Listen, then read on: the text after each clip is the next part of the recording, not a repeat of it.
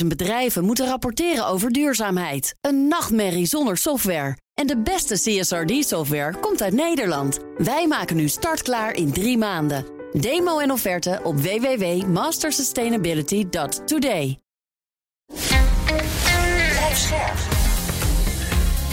BNR Nieuwsradio. Boekenstein en de Wijk. Hugo Reitsma. Welkom bij Boekenstein en de Wijk. Het is maandag, dag 586 van de oorlog in Oekraïne. En waar wij het in de update vrijdag hadden over barsjes in de westerse steun voor Oekraïne, zijn er uh, dit weekend toch wel wat, wat scheuren bijgekomen. Hè? Te beginnen in Washington. Ja, het is allemaal het is echt wel van belang om dat goed in de gaten te houden. Even kijken, wat is er gebeurd? Op het laatste moment is dus een shutdown afgewend. Maar ja, drie problemen zijn nog niet opgelost. In de eerste plaats, die sluiten van de federale overheid is niet verholpen, maar slechts uitgesteld tot 17 november. Dat is dus het eerste probleem. Hè? Nou, de Amerikaanse steun aan Oekraïne zit gewoon niet in dat compromis, zit er gewoon niet in. Ja. En de positie van McCarthy is, hangt natuurlijk ook aan een zijde draadje. Omdat de dus Republikeinse die, leider in het Huis van Afgevaardigden. Ja, ja. Want dan zijn dus 15 tot 20 uh, extremisten. En die kunnen dus uh, ja, die kunnen gewoon een motie van wantrouwen in gaan dienen. Omdat hij met het compromis een deal heeft gesloten met de Democraten, geloof ik. Hè? En dat, dat is natuurlijk heulen met de vijand. Ja, en heel misschien is het zo dat McCarthy de steun heeft gevraagd aan de Democraten. Van oké, ik ben bereid om die shutdown uh, uit te stellen 17 november, maar dan moet jij mij redden als er een motie van wantrouwen tegen me komt. Maar dat is, in Amerika is het zo gepolariseerd dat dus Republikeinen en Democraten altijd tegen elkaar stemmen. Dus het is onzeker of dat gelukt is. Hm. Nou, even de uitleg. De Republikeinen hebben dus in het huis een krappe meerderheid. 221 van de 435 zetels. En in de Senaat hebben de Democraten weliswaar een minderheid, 48 Republikeinen, maar er zijn drie independents en die stemmen met de Democraten mee. Dus in de Senaat hm, zitten ze hm. sterker bij. Dus de Republikeinen kunnen de spelletjes doen. En wat doen ze dan? Ze kunnen met meerderheid kunnen ze wetgeving of begrotingen kunnen ze blokkeren van Biden. Hè? Maar McCarthy was niet in staat om alternatieven, uh, om overeenstemming te krijgen over die alternatieven voor de begrotingen. Want die Trumpisten, 12 tot 20, die eisen dan het federale budget is gewoon überhaupt veel te groot. Dat moet dus ingekrompen worden. En er moet gewoon geen hulp aan Oekraïne in. Nou, zijn tussenoplossing was dus, weet je wat, we laten Bidens begroting intact, maar we, slo we slopen de steun aan, uh, aan, van Amerika aan Oekraïne eruit. En dat wordt dan dus een aparte stemming. Ja. Nou, dan moeten we, dit lijstje moeten we in de gaten houden. Republikeinen in het voorjaar 2020 waren er 59 Republikeinen tegen de steun aan de Oekraïne. In uh, zeg maar, ja, lente 2023 70. September 2023 117. Dat was een meerderheid van de Republikeinen. Ja. En ja, eerlijk gezegd, als je het allemaal tot je door laat dringen, hangt de steun aan de Oekraïne hangt eigenlijk ook gewoon helemaal af van die presidentsverkiezingen in november 2024. Hmm. Nou, maar we moeten even kijken, wat betekent maar wacht, dit nou? Maar even een vraag aan jou, want dat is natuurlijk wel belangrijk. Wat, wat betekent dat dan op korte termijn? Hè? Want op uh, eh, 17 november uh, loopt dus deze uh, interim oplossing af. Hè? Dus even erbij vertellen ook dat elk jaar opnieuw de begroting moet worden vastgesteld, zoals in elk normaal uh, land dat het ja. geval is. Nou, wat dat betekent is dat, dat is heel belangrijk dit, de bestaande tranche van die 5,6 miljard van het Pentagon uit de bestaande wapenvoorraden, die gaat gewoon door. Ook het trainings, trainingsgeld gaat nu gewoon door. Uh, waar, waar overigens over, daarover wordt wel uh, een controverse over, maar de meesten zeggen dat dat dus doorgaat. Nou, Biden die wil zelf een additionele 24 miljard, die gaat dus niet door. Um, ja, uh, McCarthy wilde wel, McCarthy zelf wilde het wel steunen, die geldt aan Oekraïne, maar dan wilde hij in ruil daarvoor maar je bedoelt, je bedoelt Arend Jan dat die 24 miljard waarom gevraagd is, die, gaat nu niet door. Daar moet dus opnieuw over worden gestemd na 17 november. En hoe, hoe, hoe zie je dat dan? Denk je dat er dan op dat moment, laten we zeggen eind november, voldoende steun is voor die 24 miljard? Nou kijk, er is dus, dat is onduidelijk. Maar totdat ik een opmerking van Lindsey Graham zag, dat is een senator die we allemaal kennen, een republikein. Die is heel erg voor de steun aan Oekraïne. En hij zegt, hij zegt al vaker dingen, dat de republikeinen nu gewoon zelf in de senaat een 60 miljard wet uh, moeten indienen voor steun aan Oekraïne. En dan gewoon om de hele zaak veilig te stellen. Ja, want de Republikeinen in de Senaat die, die zijn wel in meerderheid voor steun aan Oekraïne. Het is wel een zootje zeg. Het, het, is echt een zootje, want ik weet dus niet of Lindsey Graham dat waar kan maken. Hè? Uh, in de New York Times is pessimistisch. Die zegt echt van, nou, het, het lukt misschien gewoon allemaal helemaal niet. En, en ze komen zelfs tot de conclusie dan van, ja, dan wordt het dus gewoon, uh, dan moet je maar hopen dat Trump niet terugkomt. Hè? Ja, maar, maar het is verschrikkelijk dat je dus gewoon in die situatie zit uh, waarin een land um, eigenlijk zichzelf ook naar de knoppen helpt. Door ja. een, een aantal hardline uh, republikeinen die feitelijk alleen maar één ding uh, willen, namelijk niks. Ja, ja. en die eigenlijk die meneer Gates, G-A-E-T-Z, die wil eigenlijk überhaupt gewoon de hele staat opblazen. Want hij vindt gewoon dat die federale staat is veel te groot geworden, zo, met ja, al die entitlements en zo. Nee, het is, hoe kan je nou een grote mogendheid zijn als je politiek zo dysfunctioneel is? Hè? Nee, niet. Nou, volgens mij gaan we daar morgen nog even over uh, praten. Maar ja. nee, je hebt, uh, je hebt gelijk. Ik vind dat ook. Kijk, en ja, als je nou hebt over toekomstige steun van Oekraïne. Ja, dan begrijp ik ook wel dat Zelensky, dat heeft hij vandaag volgens mij tegen de ministers van uh, Buitenlandse Zaken in Kiev gezegd, de Europese Unie, minister van Buitenlandse Zaken, ja, onze steun, daar moeten we toch uiteindelijk op de Europese Unie vertrouwen. Maar dat is natuurlijk de vraag of dat ook kan. Zo, hmm. zeker. Het is gewoon allemaal heel erg spannend aan het worden. Ja. Laten we eens kijken naar de situatie in Oekraïne zelf. Ja. Ja, op de grond, kijk, weet je, ja, er gebeurt natuurlijk niks op dit ogenblik. Ja, er wordt heel hard gevochten. De sneuvelen aan de lopende band heel veel uh, militairen, zowel aan Russische als aan de Oekraïnse kant. Maar ja, er gebeurt natuurlijk niet veel. Dus die situatie is uh, ja, in die zin duidelijk, namelijk dat de beide partijen geen steek verder komen. En er gebeurt tegelijkertijd heel veel, omdat er. Ja, het is heel dynamisch wat er op de grond uh, gebeurt. Alleen mhm. het, je kan het niet zien in de vorderingen die worden gemaakt. -hmm. Wat ook onduidelijk is, is en dat is bijna geestig uh, om, om, om te zeggen is dat uh, jullie weten dat de dag van de hereniging is uh, gehouden op 30 september. Dus het is net, net geleden. En Poetin heeft daar een bloedstollende speech gehouden. Het lag het allemaal aan het westen wat er allemaal is gebeurd. Maar hij zegt van, kijk, al die, um, uh, die veroverde gebieden, die uh, zijn nu onderdeel van, uh, van Rusland. Hè. Dat zijn dan, laten we zeggen, die oblasten, die, die, die regio's, hoe het daar allemaal zou willen noemen, van Zaporizhia mm -hmm. tot, tot Luhansk, die vier, die zijn allemaal nu van, van Rusland. En hij rekende zich helemaal rijk. Maar dat deden dus de gouverneurs niet van een aantal van die bezette gebieden, want die gaven keurig aan wat de Russen eigenlijk bezet hadden. En ja. dat is toch verrustend. en dus zat toch al een, er zat nogal een verschil in. Dus uh, wat dat betreft heeft Poetin het niet heel goed onder controle. Ja. Althans, de, de bezettingsmacht heeft het niet goed onder controle. Want die waren dan nog wel zo eerlijk om te zeggen dat ze niet alles bezet hadden. Ja. ja. wat een zooi, ja. ja. Uh, Arjan, Oekraïne had wel succes met wat drone-aanvallen de afgelopen dagen, hè? Ze hebben dus uh, Oekraïnse drones op Rusland. Eentje op een helikopterbasis in Sochi. En eentje op een vliegtuigfabriek in Smolensk. Beide in Rusland dus, ja. ja. Wat, wat, het effect daarvan was, dat staat er niet bij. Maar dat is dus wel gebeurd. En, en Rusland op Oekraïne zijn gisteren ook allemaal dingen gebeurd. Dus uh, shellingen, dus granaten. Op uh, noordoosten van Kharkiv. Eén dode. Ook maar wel weer 16 van de 30 drones neergehaald. En vandaag een Russische granaat op Gerson, één dode en zes gewonden. Hmm. Is ook opnieuw één uh, drone neergekomen vlakbij een buitenhuis van die oorlogspropagandist Margarita Simonjan van RT, waarop zij ja. opriep tot een nucleair ultimatum. Ja, ja, uh, eerder was, waren er ook al drones bij haar uh, huis in Moskou in de buurt gekomen en klaagde ze dat ze daardoor uit haar slaap werd gehouden. Dus ook ja, daar dat is heel vervelend. Ja. Dat is zeer vervelend. Ja, ja heel en, vervelend. En Beerbok roept op, en dat hebben wij ook wel vaak gedaan, van dus in de winter gaat natuurlijk Rusland weer die hele energieinfrastructuur proberen kapot te maken. Dus Brussel roept op dat mensen generatoren moeten leveren en de, dat ze de luchtafweer moeten versterken. Ja, en zij is met de EU, andere EU-ministers van Buitenlandse Zaken in Kiev, in Kiev. te vergaderen. Ja. ja. Uh, jij zei ook nog iets over uh, kerntest? Uh, ja, dat, is, dat, dat was, was, ik wel verbaasd over. Uh, wist je dat er dus tussen 2017 en 2019 13 van die nucleaire tests zijn gedaan? Nee. Ja. Ja. En, dat, ik niet. Ja, en dat, ze allemaal, dat ze allemaal mislukt zijn.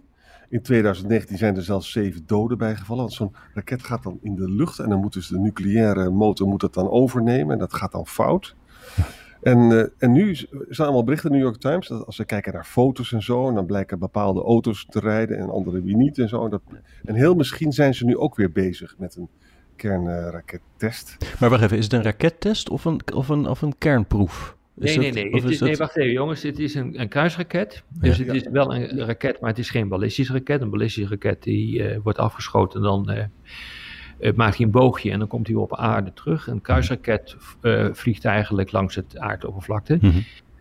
en dit moet een raket zijn waarmee je eigenlijk een, een, capaciteit hebt om vernietigend toe te slaan wanneer je zelf gepakt bent door Amerikaanse ballistische raketten. Dus dit is een zogenaamde second strike capability, wat ik daarvan uh, begrijp. Mm -hmm. ja. uh, Zo'n kruisraket is heel erg lastig, uh, is die het ehm, eh, te onderscheppen door, eh, door eh, luchtverdediging. Nou, die kan een, een, baan, volgens een baan worden geprogrammeerd, waardoor die bijvoorbeeld een route neemt waar nauwelijks of geen luchtafweer is.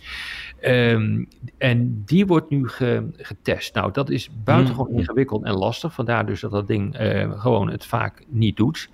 Um, dat is de SSCX-9 Skyfall. Volgens de, de westerse de westerse terminologie. En, en volgens de Russische terminologie heet dat ding de boeren.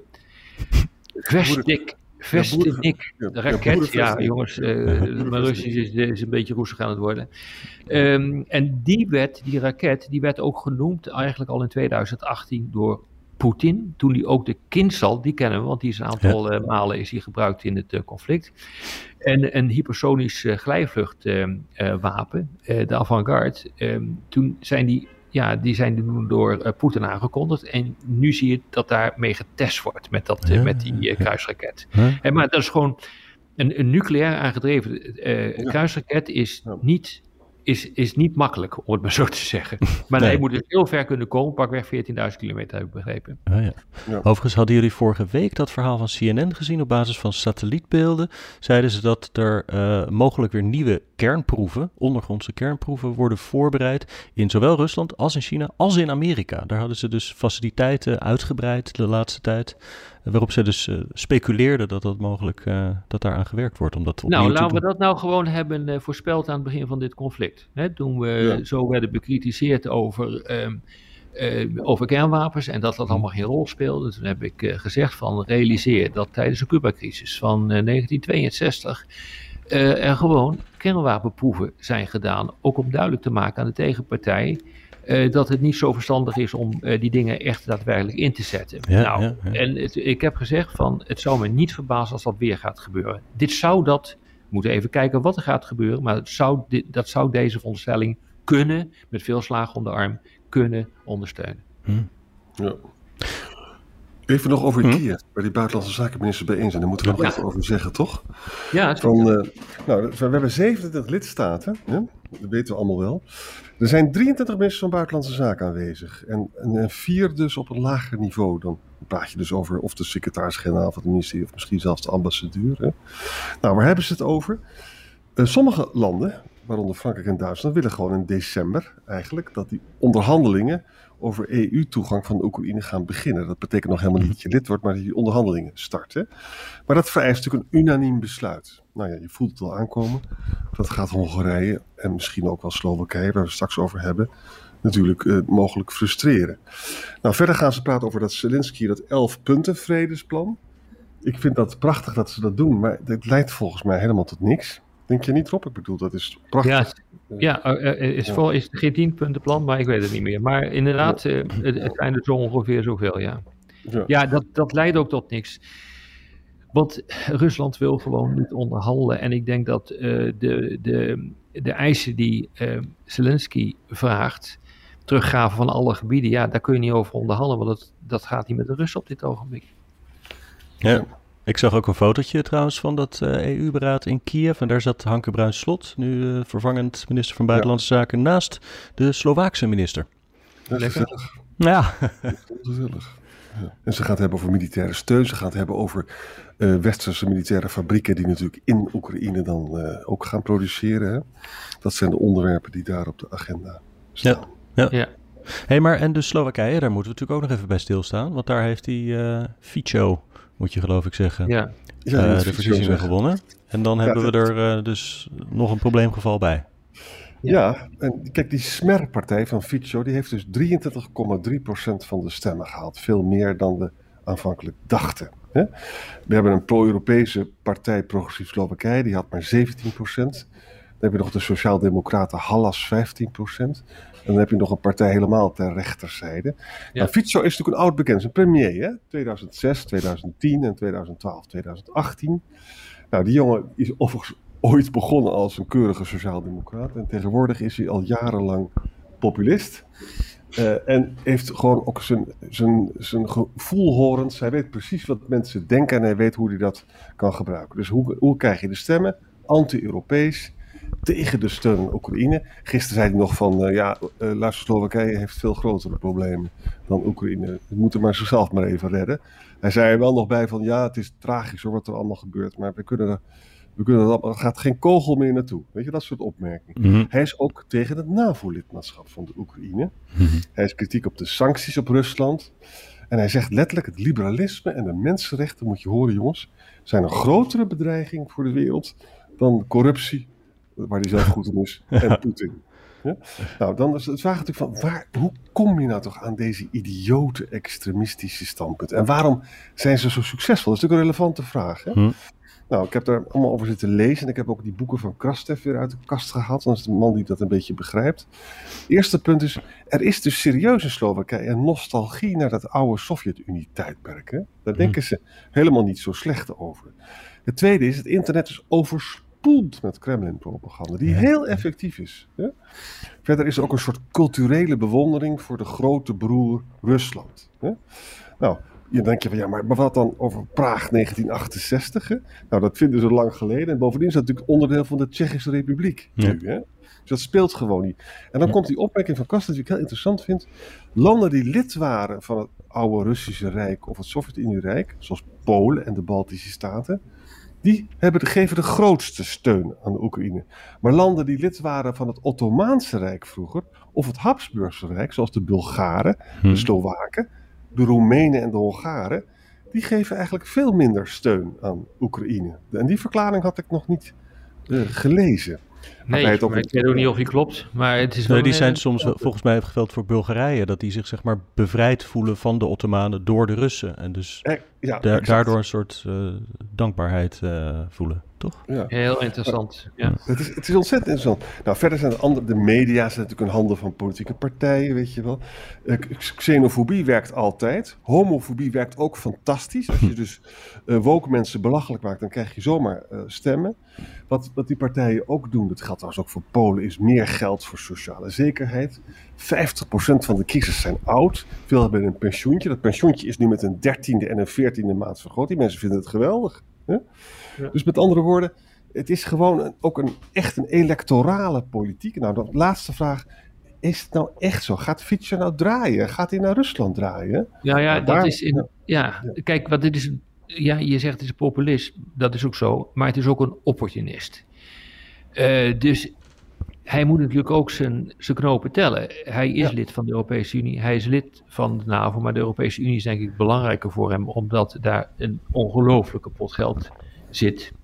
En hij weet natuurlijk ook dat als hij uh, al te veel, te veel uit de, boot springt, uh, Slowakije is een klein land van 5,5 miljoen inwoners, dat hij gewoon een draai om zijn oren krijgt uh, door Brussel en dan wordt hij gewoon in de houding geschopt.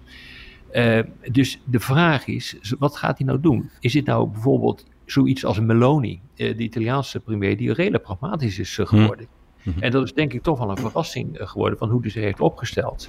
En die heeft alle verwachtingen, de negatieve verwachtingen, eh, niet geheel waargemaakt, om het maar zo te zeggen. Mhm. Ja. En wat gaat Fico nou doen? dat is, ik, ik denk dat het ook afhankelijk is van uh, de, ja, de coalitie die gevormd uh, moet worden. Mhm. Ja. er, zijn, er zijn drie redenen erop waarom ja, dat, vind, dat, dat, dat, vind ik lastig in te schatten hoor, hoe de coalitie eruit gaat zien er zijn drie redenen waarom het misschien mee. In de eerste plaats, Fico is, zoals Rob zegt, pragmatisch. Dat was hij ook als uh, premier, hè? dat is twee keer geweest. Hè? Er is een coalitie nodig. Hij heeft dus geen meerderheid. Hè? Bedenk dat goed. Ook niet met die rechtsextremistische partij. Dus daar komt een gematigde partij nog bij, die misschien nog wat verstandige dingen gaat zeggen. En verder, de Slowaken zijn ontzettend afhankelijk van de EU-steun. Er staat nog 6,4 miljard van het corona-herstelfonds te wachten. En dat is natuurlijk allemaal conditioneel, dus dan moet hij zich gedragen. Hè?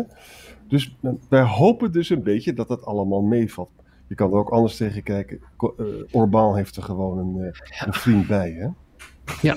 En, en, Polen, jongens, als PiS ook nog eens een keer wint, ik nou, weet het niet hoor. Daar komen ook verkiezingen aan, hè? Ja, maar hoop. Maar dat, PiS zal niet uh, toestaan dat de hulp aan Oekraïne helemaal wordt gestaakt. Ja. Uh, die zal veel meer protectionistisch worden ten aanzien van, uh, zijn, um, van de doorvoer van, uh, van graan. Maar misschien zijn ze ook op dat gebied heel pragmatisch en zullen, zullen dat laten varen naar de, naar, de, naar de verkiezingen. Maar weet je wat ik van Polen vooral vind, is, wat ik zorgwekkend vind, is dat die lui doen, dingen doen die gewoon ook niet mogen volgens het verdrag. Je mag niet eenzijdig besluiten om, een, um, om de gaandoorvoer te stoppen. Want handelspolitiek is gewoon overgedragen aan, uh, aan Brussel. Hm. Dus daar zit denk ik wel een, uh, een groot uh, probleem in. En dat vind ik echt, bij, bij PiS vind ik dat echt het grote probleem. Van ze houden zich niet aan de regels. En um, ja, wat dat betreft hollen ze natuurlijk gewoon de Europese Unie van binnenuit. En dat is ook enorm in het voordeel van Poetin. Exact. Bijvoorbeeld, weet je wat, wat, wat die premier Morawiecki zei gisteren bij zo'n verkiezingsbijeenkomst in Polen? Van, fantastische populistische retoriek had hij van. Het is de vraag of Polen überhaupt nog wel kan bestaan als we zo doorgaan met de EU. Dus dat zijn de, dat zijn de soevereinisten. Hè? De, soevereiniteit is heilig. En, en, dan, en dan gebruik je dus echt de EU als pispaal. En dan ontken je dus hoeveel belang je bij die EU hebt, die gemeenschappelijke maar Het is, dat is het cynische van binnenlandse politiek. En van populistische leiders die, ja. ja die, die op zo'n manier tekeer gaan. We hebben het net over Amerika gehad. Het is eigenlijk precies hetzelfde probleem. Het zijn leiders die niet meer denken in termen van algemeen belang en wat we gezamenlijk moeten bereiken. Maar denken in termen van eigen belang en, en macht eh, om, om ja, ten, ten behoeve van zichzelf. Ik vind dat echt een groot probleem. En ik denk dat dat eerlijk gezegd de grootste bedreiging is voor de Europese Unie die er is. Niet, niet de bedreiging van buitenaf, maar dit. Hm. Hm. Ja. Hey, um, we zijn al tijd bezig, maar ik vind dat we misschien toch nog eventjes iets over Nagorno-Karabakh moeten zeggen. Ik zag dit weekend een bericht dat al meer dan 100.000 mensen daar zijn vertrokken. Dat is ja. 80% van de Armeniërs die daar woonden. Dus de, ja. een totale etnische zuivering van, van dat gebied.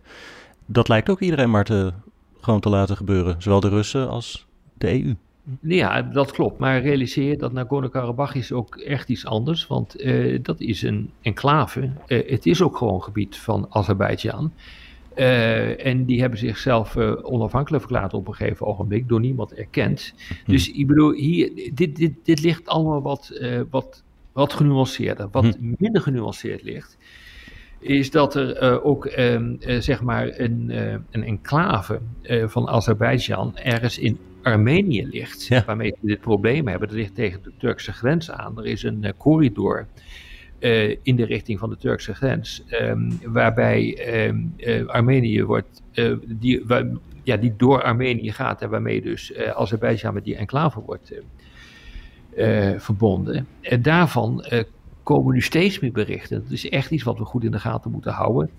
Dat Azerbeidzjan misschien wel eens een keer zou kunnen besluiten om die enclave bij Azerbeidzjan te trekken. Nee. En dan hebben we echt de poppen aan het dansen. En dan is de grote vraag van waarom nu? Nou, dat heeft denk ik onder andere te maken met het feit dat iedereen eh, te veel nu bezig is met Oekraïne. Rusland is bezig met Oekraïne, dus die zal, uh, die zal dat niet, uh, niet tegengaan.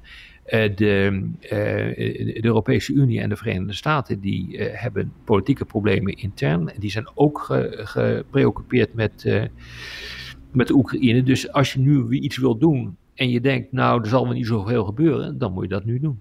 Dat geldt denk ik ook voor wat er in Kosovo gebeurt op dit ogenblik. Hè, waarbij de ja. troepen hebben, eh, hebben samengetrokken voor de grens. Dat is allemaal gesodemieter uh, in, Kos in Kosovo. In het noorden, in het, in het Servische, laten we zeggen, het, het, het Servisch-orthodoxe deel. Ja, dus daar laaien oude conflicten ook op. En als je het wil doen, dat moet je bij wijze van spreken nu doen. Althans, volgens de politieke leiders van dit moment in die landen. Ik denk dat ook, want wat is er nou gebeurd in Nagorno-Karabakh? De, de EU heeft wel eens een, wel onderhandelingen aangeboden, zijn mensen geweest, maar die wil absoluut niet daar gaan vechten, want dat kan de EU ook helemaal niet doen. Hè? Hmm. NAVO wil de handen ook helemaal niet, het is geen NAVO-grondgebied.